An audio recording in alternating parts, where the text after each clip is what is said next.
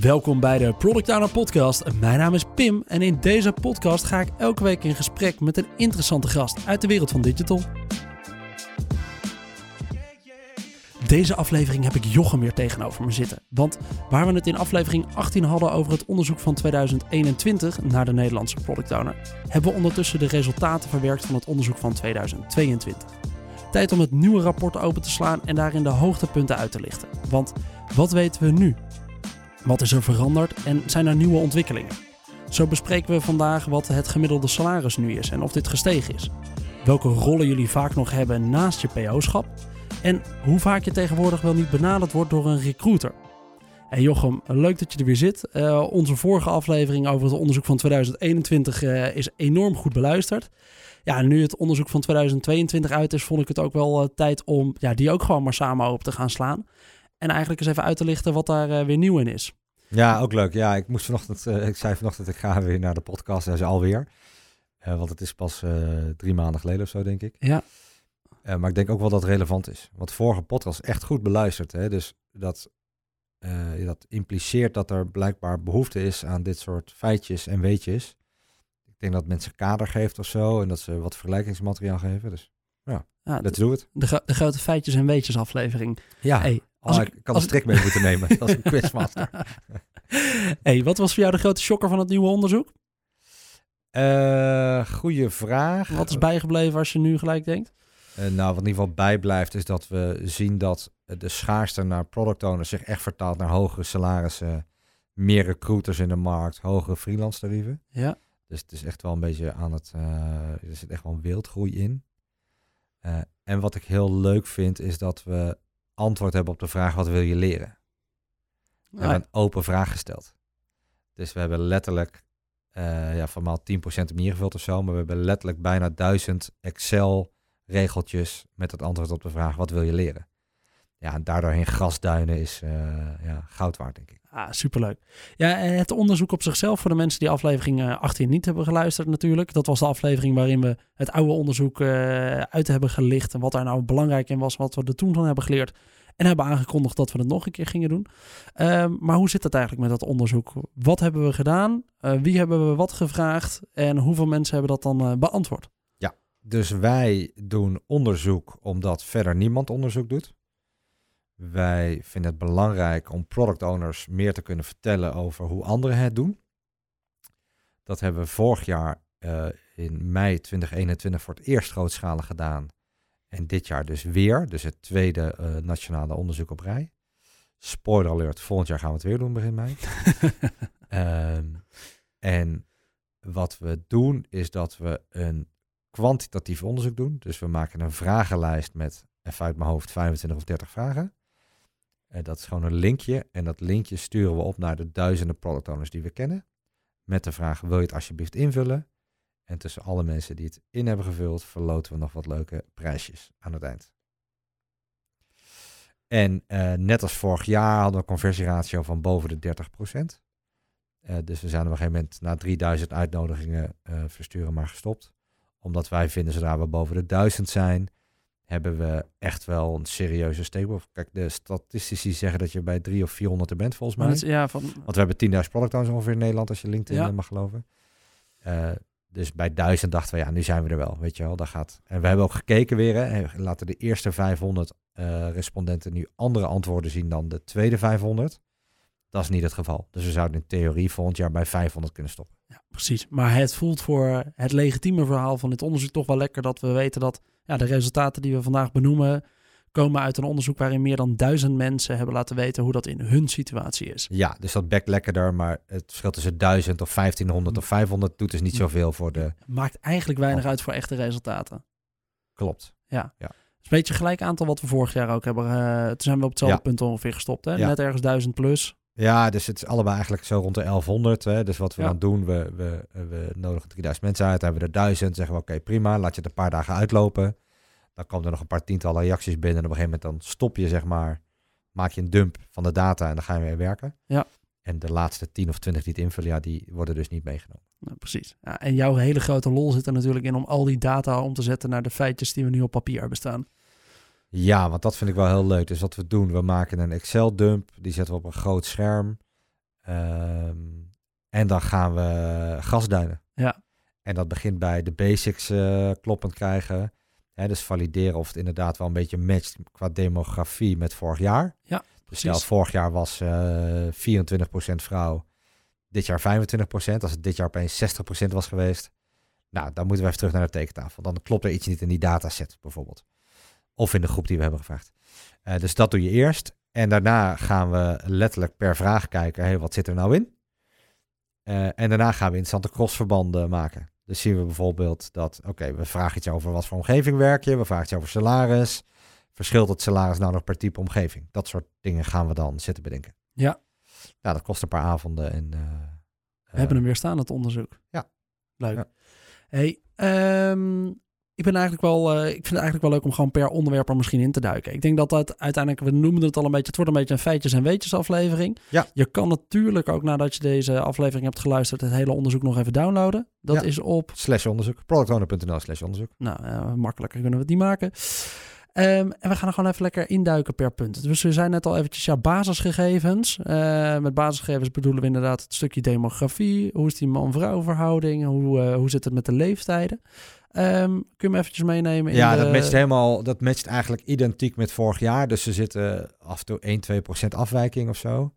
Eh, dus de Pareto 80-20 gaat best wel op. Eh, bijvoorbeeld eh 20 procent eh, werkt in non-profit, 80 procent in profit. Eh 75, dus bijna 80 is man. Eh 80 procent is tussen de 25 en de 45. 80 procent komt uit de Randstad en Brabant. Eh, dus al die cijfers, eh, 80% is in loondienst, weet je wel. Dus dat, dat blijft allemaal wel redelijk eh, gelijk. Ja, Eh, dus plat gezegd is de gemiddelde PO is een man in loondienst die in de Randstad woont, ongeveer 35 is. En de kans is heel groot dat hij bij een corporate werkt. dus herken je je daarin, dan ben je ongeveer de gemiddelde product owner. je, bent, je zit nu al tussen de, tussen de klasse gemiddelde product owners. Ja. Hey, dan gaan we even een stukje, het volgende onderwerp wat we daarin hebben onderzocht, is het stukje kennis en kunde. Hoe zit het eh, met het stukje kennis en kunde? Wat valt daarin op? Ja, dus wat we, eh, waar wij heel lekker op gaan is ervaring, vlieguren maken. Vorig jaar was het gemiddeld twee jaar eh, ervaring. Nee, ik moet anders zeggen. Vorig jaar had de helft van de product owners maar twee jaar ervaring. Nou, dit jaar heeft datzelfde percentage drie jaar ervaring. Je ziet, iedereen is een jaar verder, Ja. een jaar meer vlieguren gemaakt. Nou, super, super fijn, want we denken echt dat vlieguren, van vlieguren maken, word je gewoon een betere product owner. Je kan beter een jaar product owner zijn dan er drie boeken over lezen en ermee beginnen. Zeker. Is onze filosofie. Nee, maar dan word je gewoon, eh, je leert gewoon de slagen van de zweep kennen. Je leert ermee eh, mee omgaan waar het, eh, waar het misgaat en waar het goed gaat. En dat eerder te overzien. Ja. Dat leer je gewoon harder in een jaar dan dat je dat leert uit boeken. Ja, dat denk ik ook. Maar wat we hebben gedaan, en dat, ja, dat, daar heb ik echt een week op zitten kwispelen eh, op al die antwoorden. Wat wil je leren? Dus we stelden de open vraag, wat wil je leren? En we hebben ook, en daar moet ik even Astrid Klaassen voor eh, bedanken, die ook eerder hier op deze stoel heeft gezeten. Eh, ik zei, Astrid, wat vind jij dat we nog moeten vragen? En zij stelde de vraag, wat zou iedere PO moeten kunnen of moeten weten? Dus dat is een meer, dat treedt dus buiten jezelf. Wat zou nou belangrijk zijn dat iedere PO weet? En er kwamen net wat andere antwoorden dus dat was heel leuk. Dus wat heel geinig was, dus dankjewel Astrid. Wij stelden de vraag, wat wil je leren? En dan stond bovenaan stond daar stakeholder management of nou, iets wat wij mappen onder stakeholder management. Eh, dus dat is de allergrootste leerbehoefte van product owners. Op de vraag, wat moet iedere PO kunnen of weten, stond bovenaan stakeholder management. Dus het is een beetje alsof je aan een vrachtwagenchauffeur vraagt, eh, wat moet iedere chauffeur kunnen? En dat ze zeggen, nou, achteruit parkeren. Ja. En dat de conclusie blijkt dat de grootste leerbehoefte zit in achteruit parkeren. ja, dan zou ik dus never nooit meer mijn vrachtwagen ergens geparkeerd willen hebben, weet je wel. Ja, Eh, dus dat, dat, dus daar, daar zit echt wel een ding. Ja. Dus we vinden dat we beter moeten worden in stakeholder, of dat stakeholder management het belangrijkste is. Nou, dat wist ook in 2021, hè. Stakeholder management is de allerbelangrijkste skill van PO. Dus dat wordt je heel fijn bevestigd. Maar het is ook de allergrootste leerbehoefte. Dus dat is best wel ja, dus je vindt het heel belangrijk, maar je vindt jezelf er misschien nog niet goed genoeg in. Exactly. En ja, ja, fuck, weet je wel, daar moeten we dus iets mee. Dus ehm, ja. Ja, maar dat- hoe, hoe leer je, hoe word je beter in stakeholder management behalve het doen?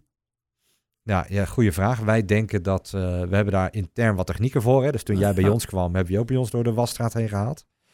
Ja, dan krijg je bijvoorbeeld eh, eh, gesprekstechnieken krijg je mee. Eh, maar we gaan ook met stakeholder mapping aan de slag. Ja, er zitten echt wat technieken in.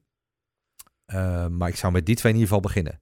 Dus pak eens een leeg blaadje. Schrijf eens op wie, met wie je werkt. Waarom ze met jou moeten hosselen. en welk probleem je voor ze op moet lossen. Ik denk dat dat in ieder geval inzicht geeft. Ik denk dat gesprekstechniek een belangrijk ding is. Altijd vragen stellen, vragen stellen, vragen stellen. En ik denk dat een goede band met je leidinggevende ook echt een ding is. Dus als het je niet eens lukt om aandacht te krijgen van je leidinggevende, hoe ga je dan naar godsnaam dat product cheffen? Dus dat zouden voor mij de drie vertrekpunten zijn om daarmee te beginnen. Ja. Eh, maar de vraag is heel legitiem en leeft bij ons ook nu intern. Dus wij zitten letterlijk aan de lunchtafel na te denken, hoe kunnen we dit nou, kunnen we dit nou in een pakketje stoppen en soort van op het bureau van iedere product owner in Nederland droppen met een luchtballonnetje zo. Weet je wel? Ga ermee aan de slag. Ga ermee aan de slag. Ja. En nummer 2 en 3, wat, eh, wat was nog meer? eh, ja, nummer twee was een betere PO worden. Dus dat zit hem vaak in de vlieger. Dus je ziet Ja. dat met name bij de, bedoel, de product owners die acht jaar product zijn, die, Die zeggen dat die, niet. die vinken dat niet aan. Nee. Of die, die geven dat antwoord niet. Eh, drie was prioriteit stellen. En ja, dat is ook echt wel een soort van een standaard PO. Hier, hier ding ben je voor aangenomen. Ja, ja, it's your job, weet je wel. Eh, prioriteit stellen.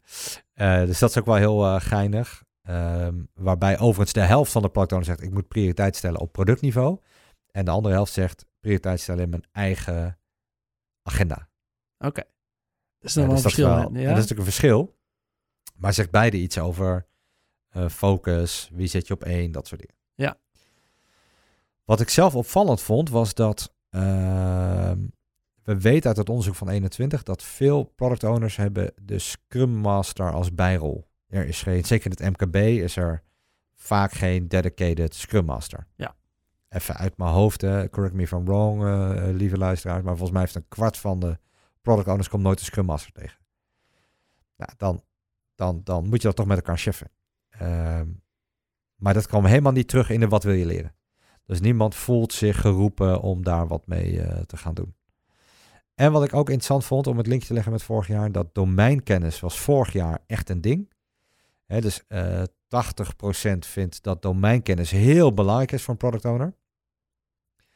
Eh, en het staat op plek 8 met het lijstje wat wil je leren. En dat was maar 4% van het antwoord. Dus maar 1 op de 25 product owners wil het leren. Terwijl ook, dus 4% wil het leren. 40% zei geen expert te zijn. En 80% zegt het super belangrijk te vinden. Dus 4, 40, 80. Dat Ja. is echt wel een soort van... Het is een bijzondere afwijking. Ja, maar blijkbaar staat dat toch niet top of mind of zo. En misschien gaan we hier wat te kort in de bocht, weet ik niet. Maar Ja. ik denk het eigenlijk van niet. Ik denk dat dit dus wel een heel gek ding is of zo. Oké. En ehm, ja, als we het, eh, het onderzoek van vorig jaar, die hebben we natuurlijk ook wat uit elkaar getrokken in wat blogs. Nou, als we kijken naar wat veruit de meest gelezen blog daarin is, dan gaat dat over geld. Zeker. Mensen willen gewoon snappen, hey, hoeveel verdienen eigenlijk mensen die hetzelfde werk doen als ik? Ja, nou, goed nieuws jongens. Jullie krijgen allemaal 5% bij dit jaar. Hey. Hey. Wij moeten denk ik Eh, even praten. Einde aflevering eh 94. Nee, ik weet niet welke dit is. Ehm, eh, dit jaar ligt het gemiddelde 5% hoger. Oké. Ehm, Dus waar we vorig jaar zaten op, ongeveer 5. Ja. Zitten nu op ongeveer 52,5. en datzelfde zien we terug bij freelancers. Eh freelancers gaan nog wat harder. Oké. Eh, freelancers die gaan van 88 naar 96. Dus die gaan richting de 9 à 10 procent. Oh, dat is ook wel een sprong. Komt, en wat ook goed zou kunnen is dat eh, toen we vorig jaar dat onderzoek deden, zaten veel mensen nog in hun, zeg maar, eerste corona-opdracht. Waar Ja. echt wel flinke tariefdruk zat. Dus daar zit een soort van, misschien wel voorbehoud. Terug naar het salaris. In het MKB merk je er overigens weinig van. Ehm, daar ligt de salarisstijging echt lager. Ehm, en helaas zijn wederom de vrouwen echt wel minder bedeeld qua salaris. Die komen dit jaar wel boven de 5k uit. Maar lijken dus eigenlijk een soort van jaar achter te lopen. Oké, daar zit net even een verschil in. En we zien dus dat bij corporate bedrijven met name een soort correctie is gedaan. Eh de afgelopen jaar een soort loonstijging is geweest van een paar Ja. procent. Ja. MKB'ers verdienen eigenlijk, eh, PO's in het MKB verdienen eigenlijk gelijk aan vorig jaar. Ja, ja, en wat we ook zien is dat product owners die zijn doorgegroeid vanuit een ander rond bedrijf, Ja. pakken relatief wat minder. Hè? En eh, degene die net nieuw in een baan zitten, of die de afgelopen twaalf maanden van baan zijn veranderd, pakken net wat meer. Dus daar is een beetje het stereotype Logisch, dat wisselen leidt tot meer geld. Ja, die klopt wel. Dus als je er echt in zit voor het geld, moet je eigenlijk nu verhuizen naar een corporate. Dan heb je, en je moet een jongetje zijn, dan heb je de meeste kans op veel maximaliseren centjes, van je. ja. Ja, als dat, als dat jouw overtuiging is, precies. Want ja, doorgroeien, zeker als je uit een andere rol komt. Hè, we weten dat het salaris van eh, een product owner eh, relatief hoog is in, in vergelijking met de omliggende functies, volgens mij. Ja. Ehm, ja, dat betekent gewoon als je de doorstap maakt binnen een organisatie, dat je vaak nog rekening houdt met je oude salaris vanuit je oude rol. Ja. Dus dat je niet eh, op het volle product owner salaris zit. Ja, overigens weten we ook dat mensen die eh, het komende jaar aangeven, dus 20% geeft aan het komende jaar sowieso wat anders te willen gaan doen. Ja, Eh, die verdienen niet minder nu dan, het is niet zo, dus volgens mij is geld niet per se een soort Ah, van... de drijfveer om te wisselen. Nee, nee, daar lijkt het niet op in ieder geval. Het is niet zo dat mensen die minder verdienen vaker aangeven weg te willen. Oké, ja, dat is een mooie vergelijking om, de, om te trekken. Dus het is geen non-buying reason of zo, of een soort van dissatisfier. Hey, als we het over geld hebben gehad, hebben we daarmee de belangrijkste punten uitgelicht van dit jaar?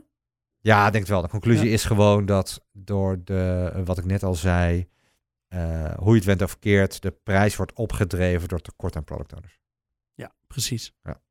Hey, en dan hebben we het over, eh, over je werk. Dus nou, ja, hoe ziet jouw baan er nou eigenlijk uit als product owner? En ja, dat is waar we altijd achter komen, of in ieder geval waar ik achter ben gekomen in deze podcast, is elke product owner die ik hier te gast heb, vult zijn werk anders in dan weer de volgende het invult. Ja. Eigenlijk heb ik nog nooit een product owner gevonden die, ehm, ja, in, die in die prachtige utopie leeft van eh, die, eh, die door Scrum.org tijdens je PSPO 1 wordt geschetst. Eh, eigenlijk heb ik er nog nooit drie achter elkaar kunnen spreken die dat allemaal hebben. Iedereen die ziet zijn werk net even wat anders. Daar hebben we ook weer onderzoek naar gedaan. Wat, wat is nou over uitgekomen over hoe je rol eruit ziet als product owner? Ja, dat is heel leuk. Dus we, we zaten hier een beetje in de squeeze met onszelf, want hier hadden we wel 100 vragen over willen stellen. Ja. Alleen, ja, ga maar eens 125 vragen voorleggen, dan heb je een dan heb je uiteindelijk vier respondenten die het helemaal invullen. en drie, eh, weet je wel, één is je moeder, de andere de buurvrouw en één collega of zo. Ja. Eh, dus, dat, dat, dus ja, daar hebben we echt keuzes moeten maken. En eh, nou, dat hoort een beetje bij ons werk blijkbaar. Maar we hebben echt al wat lijstje voor volgend jaar ook klaar liggen. Wat in ieder geval ehm, wel lekker is, is dat meer dan 80% zegt een product te cheffen en niet een project of een proces. Ja, En- dus niet de verkapte product owner die uiteindelijk toch gewoon projectmanager is. Ja, en vroeger, zeg maar vier jaar geleden, Ja. was ons hele netwerk waren product owners die projecten aan het managen waren. ja, alleen bedrijven die de titeltjes hadden gewisseld. Exactly. Ja, ja, dus een soort van eh, greenwashing of zo, of whitewashing. Ja. Ehm, verder weten we, dus we, we kennen bij ons de cirkel van ownership. Hè, dus dat gaat om eh, visie, mandaat, tijd, budget. En wij vroegen welke van die vier doet nou het meest pijn. Maar je mag ook je eigen antwoord nog geven. En eh, ja, één op de drie zei dat tijd het probleem is. Dus de grootste uitdaging zit hem in tijd. Tijd hebben, tijd maken. Zit ook weer in dat prioriteit stellen, denk ik. Opvallend was dat van de vrouwelijke product owners eh 43 eh, procent heeft de consument als belangrijkste doelgroep. Ja. Maar dat is niet helemaal hoe het overall is. Eh, want overall is dat eh, minder dan een derde. Dus vrouwelijke product owners hebben echt opvallend vaak de consument als doelgroep. Ehm, en we weten ook dat 1 op de 4 heeft alleen maar collega's als doelgroep. Dus 1 op de 4 product owners in Nederland klust Interne- aan een interne applicatie. Ja. ERP, Salesforce, whatever. Een beetje dat soort dingen, weet je, het WMS of eh, dat soort dingen. Eh, dus dat is wel, eh, dus dat vonden wij wel heel leuk om eh, te weten. Want vaak als je, althans als ik naar mezelf kijk, als ik uitleg wat een product owner doet, pak ik er vaak een consumer-driven applicatie bij. Maar dat is dus helemaal niet de norm. De norm is dat 68% heeft een zakelijk product. Dus, dus daar zit echt wel, daar zat voor mij wel een eye-opener in. Vijf op de zes product owners heeft een collega. Dus de Einzelganger, die eh, is Ja, er eigenlijk helemaal Iedereen niet. heeft in principe collega's, behalve de freelancers onder ons. Maar die heeft een collega product owner. Juist. Ja, goede correctie. ja, opnieuw. Nee, nee, zonder ik ben gekheid. hier in mijn eentje. Ehm, ehm, er zijn meerdere product owners in die organisaties. ja, ja. Ja. en dat, dat was ook iets wat wij bij ons aan de lunchtafel echt anders, anders dachten. eh, dat zagen we anders. Ja. Wij dachten ongeveer 1 op de 3 wel de enige product owner in het bedrijf was. Eh, maar blijkbaar zien wij nou gewoon relatief veel van dat soort product owners bij ons voorbij komen in de trainingen en de workshops en zo. Eh, dus daar hebben we ook weer wat geleerd. Ehm, en, ehm, en wat ook heel leuk was, was dat we hebben gevraagd: ben je nou fulltime product owner of doe je er iets naast? En dat blijkt dat iets minder dan de helft heeft er toch nog wel een feitelijke rol naast. Ah, Oké, dat is wel een... Dus je bent niet alleen product owner in dat geval. Nee, dus eh, uit mijn hoofd 44% doet er wat naast. Ja. Als in wordt aan het eind van het jaar beoordeeld op meer dan het product zelf. Onder andere, wat doen ze dan? Op één uiteraard de projectmanager. kan niet anders. Het kan niet anders. Ja. Ja, de, de verborgen projectmanager, eh, die, die jouw manager dan... Ja, waarschijnlijk is dat het natuurlijk. Hè, dat de, niveaus boven jou verwachten dat jij ook even het projectmanagement er dan bij Ja, hebt. ja, stem je Naast ook dat even af met marketing en eh, weet je wel, en dan zorg je even dat die processen dan ook eh, dat soort dingen. Ja. ja, ja. Bewaken we het budget, dat soort. Maar klopt de planning nog wel? Juist. Zijn we wel live met de kerstborrel, dat soort dingen. Oké, ja. En daarnaast?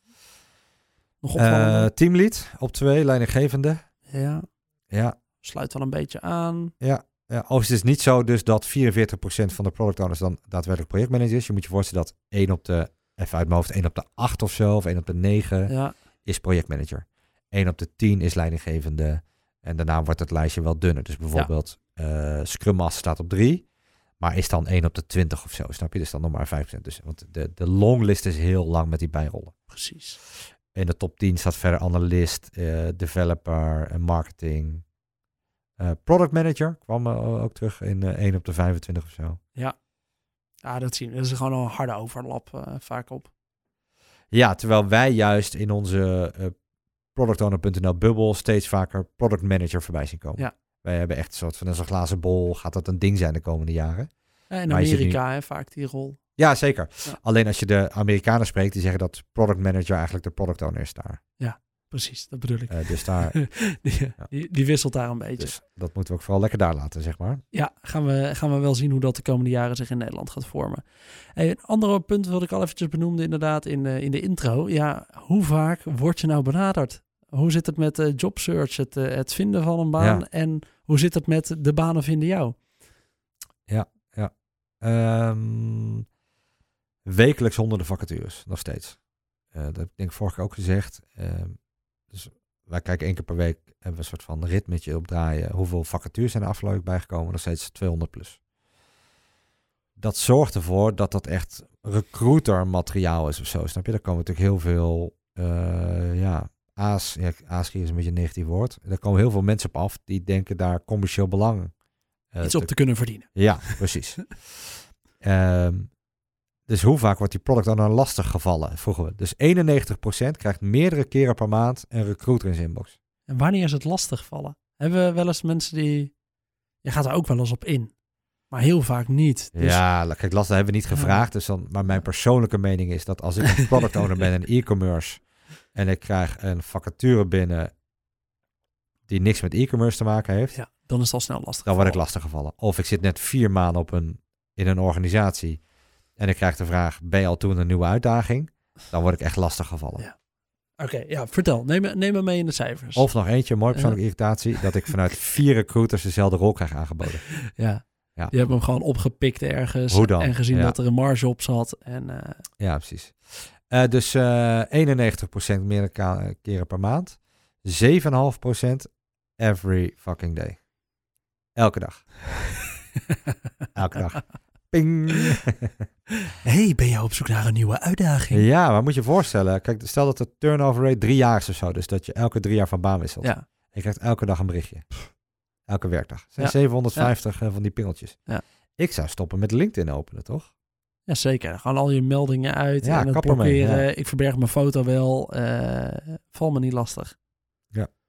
Oké, en hoeveel procent zijn elke week? Eh 7,5. Da- dagelijks. Of dagelijks. Ja. En meerdere keren per maand. Ah. eh 91%. Ja, precies. Dus eigenlijk iedereen die hier naar luistert, herkent het waarschijnlijk wel. Die berichtjes in je inbox. Ja. ja. Ik ben Ja. eigenlijk wel benieuwd naar wel, van welke mensen wel gelukkig worden. Wanneer ga je er wel op in? Wanneer denk je, oh, dit is wel interessant. En wat is de meest voorkomende waarvan je denkt, ah, niet weer dit berichtje? Ja, dat zouden we echt een keer de groep in moeten gooien. Uh, ook omdat we, kijk, wij krijgen als organisatie wekelijks de vraag vanuit organisaties, kan je onze product owner zoeken? En wij zeggen altijd nee. Dat, daar zijn we niet zo goed in. Zie ik eruit als recruiter. Ja. Wij zijn geen recruiter. Maar ondertussen, als we letterlijk elke week de vraag krijgen, dan is er blijkbaar een probleem in product owner land wat opgelost moet worden. Dus misschien moeten we dan toch iets gaan doen in die richting om dat probleem, om dan toch blijkbaar vraag en aanbod. Want we weten ook dat 20% van de product owners geeft aan het komende jaar te switchen. Ja. Dus er zijn 2000 en 29% twijfelt nog. Ja. Je zegt tussen de 2 en 5000 product owners in Nederland gaan de komende 12 maanden een nieuwe baan vinden. Gaan ja zeggen tegen wat nieuws. Ja, daar zit dan toch blijkbaar iets faciliterends of zo. Alleen, ik heb ook wel eens tegen jou gezegd, als we ooit een standaard recruiter worden, dan uh, mag je me echt pijn doen. Ik zei het iets plastischer, maar jij weet ook de opmerking nog wel.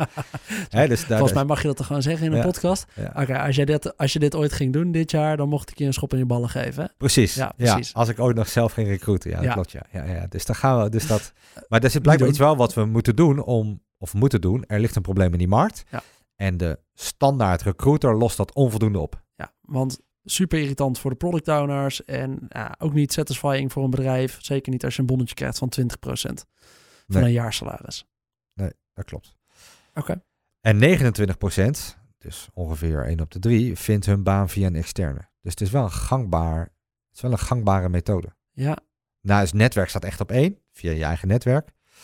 Ehm, maar externe staat dan wel op 2. oké. Leuk. Ja. Volgende item van het onderzoek. Dan hebben we het over het stukje softwareontwikkeling. Nearshoring. Oh, nearshoring. Ja, Dus, eh, sorry, nearshoring is eigenlijk de conclusie. ja. Dus wij waren benieuwd. We beginnen met de conclusie. Dat is zo makkelijk, toch? Heeft heel veel tijd. Al een beetje druk iedereen is. Het antwoord is nearshoring. 29% heeft tijd tekort, hè? Dus als we een beetje tempo ja, dus draaien, dan, we eh, moeten die podcast gaan wat korter houden. Ja, ja, ja, download en lees het zelf. Einde bericht.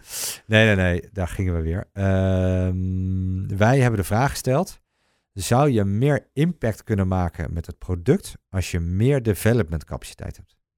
Vonden wij een relevante vraag. En 63% zei ja.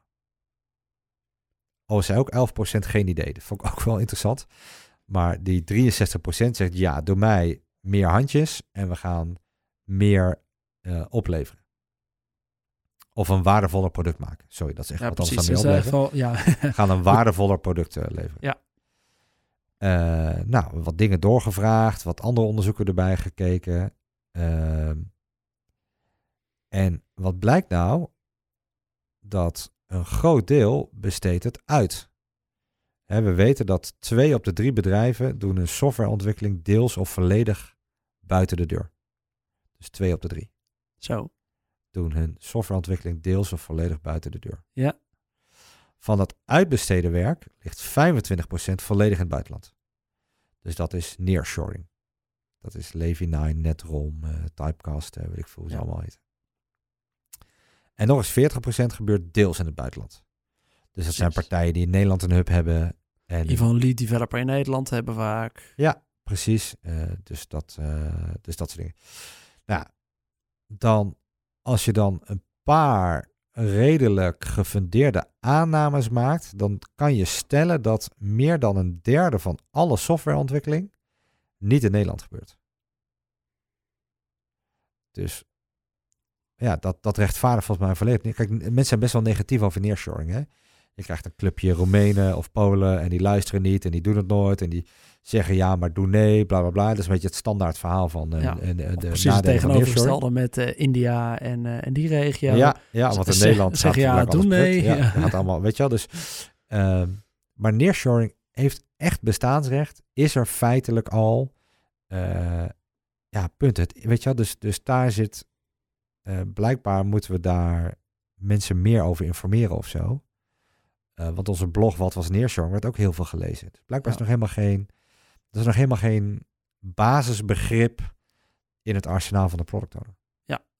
Om daarin gewoon extra bij te kunnen stappen en je ontwikkeling van je product gewoon mee Ja. te trekken naar het buitenland. Ja. Want we hebben gewoon niet genoeg developers in Nederland, Ja. weten we ondertussen. Ja. Dus Pim, zet dat even ergens op je lijstje of zo. ja, de lol. even... eh, Eh, laten we daar eh, een, goede één of aflevering meerdere afleveringen over maken met iemand die in die hoek zit of die dat heeft gedaan. Ja, gaan we doen. Hey, laatste hoofdonderwerp wat we nog hebben behandeld in het onderzoek was... We waren eigenlijk wel benieuwd naar ja, al deze, alle luisteraars van deze podcast. Ja, wat, eh, wat doen jullie nou eigenlijk allemaal? En ja, je zit misschien binnen een bedrijf met je collega's. Eh, vorige aflevering van de podcast hadden we een gesprek met iemand die zat bij Rabobank. Met Job. Ja, die gaf aan dat we daar ja. best wel een grote community hebben met eh, alle PO's. Daar hebben ze er meer dan 400. Ja, hoe zit dat eigenlijk als je bij een kleiner bedrijf zit? En ja, voel je je dan aangetrokken om bij een community te gaan? Zoek je nou contact met andere product owners en wil je daar meer van? Of Ja. heb je voldoende aan het luisteren naar een podcast als deze? Eens. Eh, le- eh, leuk dat je Job had trouwens, leuke vent. Ik weet niet precies wanneer deze uit wordt gezonden, maar we hebben eind september het Product Owner Event. En daar spreekt een collega van Job, Ja. komt spreken. En die spreekt over hoe je een community levendig maakt. Want wat ze bij Rabobank heel goed doen, in tegenstelling tot andere grote corporates die wij spreken, is die community heel levendig houden. Dus dat, dat is wel heel eh, leuk. Dus, dus Job zit er denk ik op een eh, goede plek. Eh, wat we hebben gevraagd vorig jaar al, is zou je behoefte hebben om onderdeel te zijn van een community? Ja. En te zijn meer dan de helft zei, ja, ik wil heel graag bij een georganiseerde community. Oké, daar hebben we toen bij gelaten. Ja, we hebben wel het vraag gesteld, wat wil je dan leren en zo. Nou, dat was met name was dat spiegelen en eh, intervisie en feedback en zo. Dat was met name het idee. Eh, wil je daar alle details van eh, weten, moet je even het onderzoek van vorig jaar pakken. Want er staat wel een mooi lijstje bij. Maar we dachten, dit jaar dachten we, ja, maar hoeveel mensen doen dan ook iets met een community? en we hebben met name dit jaar gefocust op de externe communities. Dus we weten welke communities er zijn. Hè, dus dat zijn de partijen die op LinkedIn actief zijn, of die via Google, of eh, via Google Meet, maar via Meetup, sorry. Ja. En we hebben nog even zitten googlen op partijen die er misschien zijn die wij niet kennen. Wij zijn ook niet eh, alwetend. Ehm, en uiteindelijk kwamen we tot zeven communities en vroegen gewoon, oké, maar wie ken je dan? Ja, eh, meer dan twee derde kent niemand van die communities. Ja, dus er zit nog een enorme kans ook voor die communities Om gewoon te groeien. Om wat te doen. Ja, Kijk, en ze kennen Expandior, eh, wordt wel redelijk goed, eh, eh, die komt er wel redelijk goed uit. Met Ja. één op de zes of zo die hem kent. Ja, die sturen vrij actief berichten op LinkedIn natuurlijk naar iedereen Ja. die PO is. Ja, ja. En nou ja, we zijn er zelf ook onderdeel, dus wij gaan ook naar, wij zijn onderdeel van het promoten van Expandior, dat we over twee weken daar een keer naartoe gaan om op de zeepkist te Oh, staan. Ja, leuk. Dus dat is wel geinig. Ik heb ze een paar gesproken, zijn prima gasten overigens. En daarna komt er nog iets van Trigger Pro. Ja, Maar dat zal echt wel, daar haalt net nog de 10%. En daarnaast wel echt eh, gedaan of zo. lager. Dus eigenlijk ligt daar dus een oproep aan Product Owner Loving eh, Nederland. Ga iets doen met de community. Weet je, dan hoeven Ja. wij daar niet... eh, Hoeven wij niet de community te worden. Ja, of jullie moeten het echt allemaal heel graag willen, dan... eh, Ja, maar ja, Ja. ja, ja, ja. Wij zijn geen community managers. We vinden het wel heel leuk om iets te gaan. Dus we gaan wel even iets heel. Je noemde het even een beetje tussen neus en lippen door. Maar ik vind het wel leuk. We hebben het daar nog helemaal niet over gehad in de podcast. En we zijn ook al best wel uitverkocht bijna met die kaarten, denk ik. Maar we hebben in september gaan we in ieder geval eens een keer een dag voor alle PO's organiseren. Ja, dus ja, dus eind dachten, september. Ja, ja, ja. Er zijn zoveel evenementen. Ja. Maar ja, welk evenement is nou eigenlijk een keertje voor onze beroepsgroep? Ja. Wij willen ook een evenement. En wij willen ook een podcast. Ja.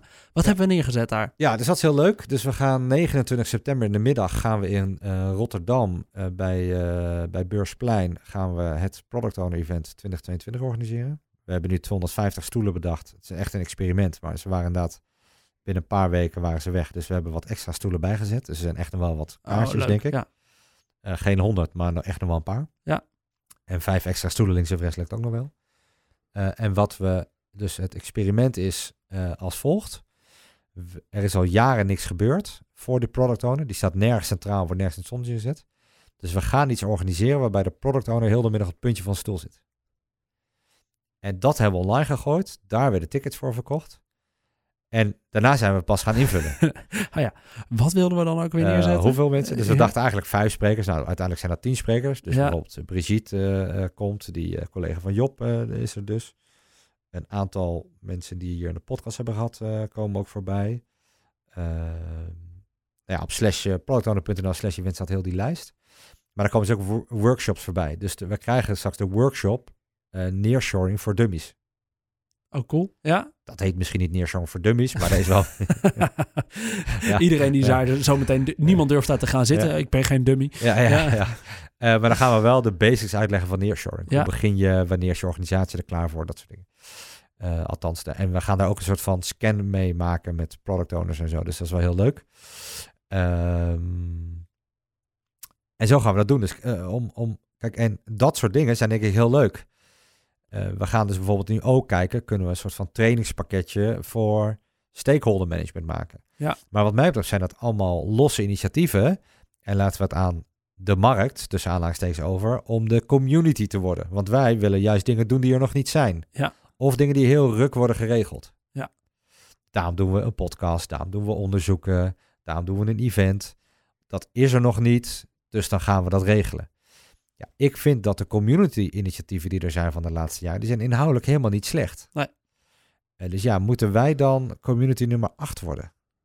Ja, Dat is een beetje een vraag aan mezelf. Ja, liever niet. nee, in ieder geval, ja, daar zitten we niet op te wachten om de nummer 8 te worden. Laat het dan maar goed laten eh, gebeuren door degenen die er al zijn. Ja, Dan ga ik dan gaan we liever, ja, dan gaan we liever naar Expandior toe en zeggen: hey, luister, wij komen bij Expandior op de zeepkast staan.